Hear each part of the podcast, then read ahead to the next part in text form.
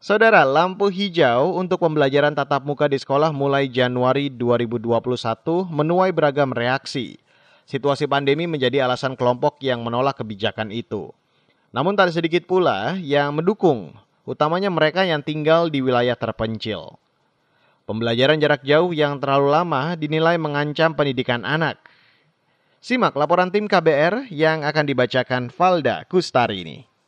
Menteri Pendidikan dan Kebudayaan Nadiem Makarim memberi lampu hijau bagi sekolah untuk menyelenggarakan pembelajaran tatap muka pada Januari tahun depan. Dalam konferensi pers virtual pekan lalu, Nadiem menyebut belajar daring atau jarak jauh secara terus-menerus mengancam pendidikan anak. Hal itu bisa meningkatkan jumlah anak putus sekolah.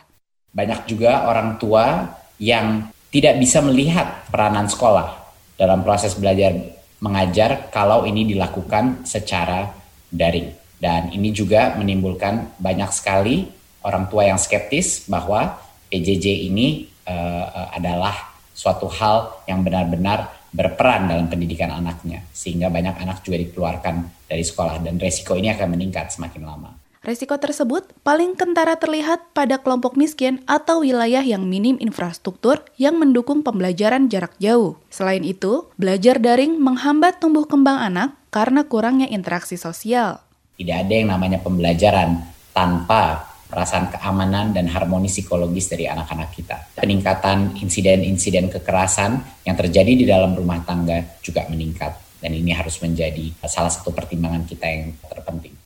Kebijakan Nadim ini disambut baik oleh guru di wilayah tertinggal, terluar, dan terdepan atau 3T. Anisetus Arjo, guru SMP di Manggarai Barat, Nusa Tenggara Timur membenarkan ada beberapa anak didiknya yang terancam putus sekolah akibat pembelajaran jarak jauh yang terlalu lama. Tetapi ada memang beberapa anak itu yang kurang aktif. Bahkan selama kunjungan rumah, mereka kadang-kadang kami tidak bisa temui mereka dengan alasan sudah keluar dari rumah karena orang tua juga pada saat yang sama eh, sedang bekerja di kebun jadi tidak bisa kami temui di rumah dan dengan demikian anak-anak ini juga uh, ikut membantu orang tua di kebun.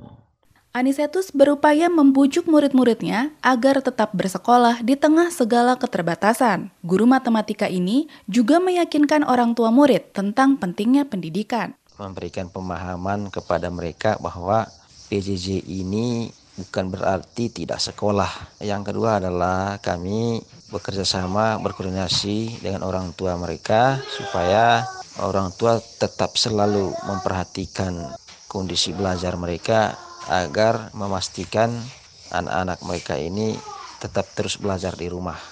Selama pembelajaran jarak jauh, para guru juga sulit mengontrol proses belajar siswa. Anisetus terpaksa melakukan kunjungan ke rumah siswa untuk mendampingi mereka belajar. Cara ini pun tak efektif karena jarak antar rumah cukup jauh.